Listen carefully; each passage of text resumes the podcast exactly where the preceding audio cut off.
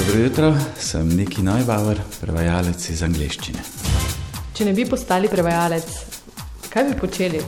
Preden sem začel prevajati, povsem po naključju, če verjamemo v naključja, sem delal v trgovini s kolesi. Tudi to delo mi je bilo čisto všeč in sem tudi v njem našel izzive in zanimivosti. Tako da ne vem, kaj bi delal. Je pa precej verjetno, da bi bilo v zvezi z jezikom, tisto s kolesi je bilo mogoče malo majhen odklonen odvoz od te ceste ali reke, ki te vodi v življenju in če se preveč ne opiraš, če ne plavaš proti toku, te že odloži na neki beli plaži z lepimi okroglimi kamni, kamor sodiš. Kaj je vaša največja poklicna deformacija? Morda iskanje napak v besedilih drugih. Na to sem pozoren, ker jih seveda veliko delam sam. Moje načelo pravzaprav je, da se moraš iz napak učiti, drugače jih ni smiselno delati. Kaj za vas pomeni izgubljeno s prevodom? Pomeni, da se misel, ki jo je avtor izrazil, izgubi, preprosto se izgubi. Prevajalec je odgovoren do avtorja besedila, da prenese njegove misli, ne besed, njegove misli. In če se to izgubi, potem delo izgubi delček svoje bitnosti, bi lahko rekel.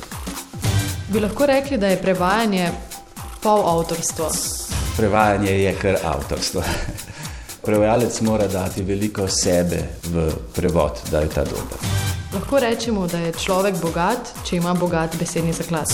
Morda res. Človek, ki ima bogat besedni zaklad, se po mojem v svojem srcu približa nečemu božjemu, božanskemu.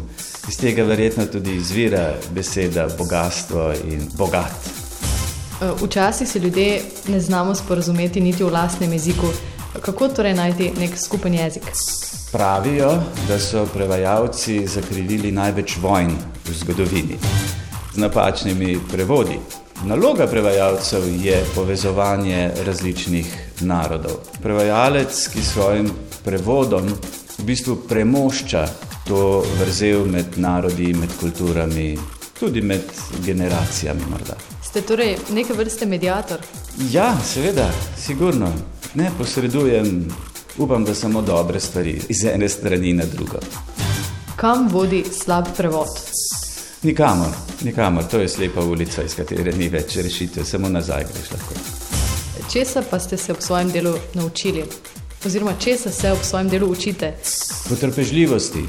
In imam na delovni mizi moto Kajeta Nakoviča, ki pravi, da v delavnicah jezika nikoli ni storjena zadnja pika. Vsako delo, ki ga imam v delu, mi nekoliko spremeni pogled na sebe, na življenje, na svet. Lahko bi rekel, da me nekoliko obogati in te izkušnje potem skušam vključiti v svoje življenje. Niki, s čim si polepšate svoje jutro? S pogledom skozi okna balkona in se razveselim vsakega dneva znova, ker je vsak dan čudovito lep. Ne glede na to, ali si je sonce ali dežuje, sem iskreno hvaležen, da lahko zjutraj vstanem, se usedem na kolo in grem delat. Mnogi nimajo tega blagoslova. Če bi bil vaš delovni ponedeljek pesem, katera pesem bi bil? Sunday, Bloody Sunday od YouTube. Tam je všeč, ker ima neko sporočilo, obenem je pa spevna in melodična in YouTube so mi pri srcu.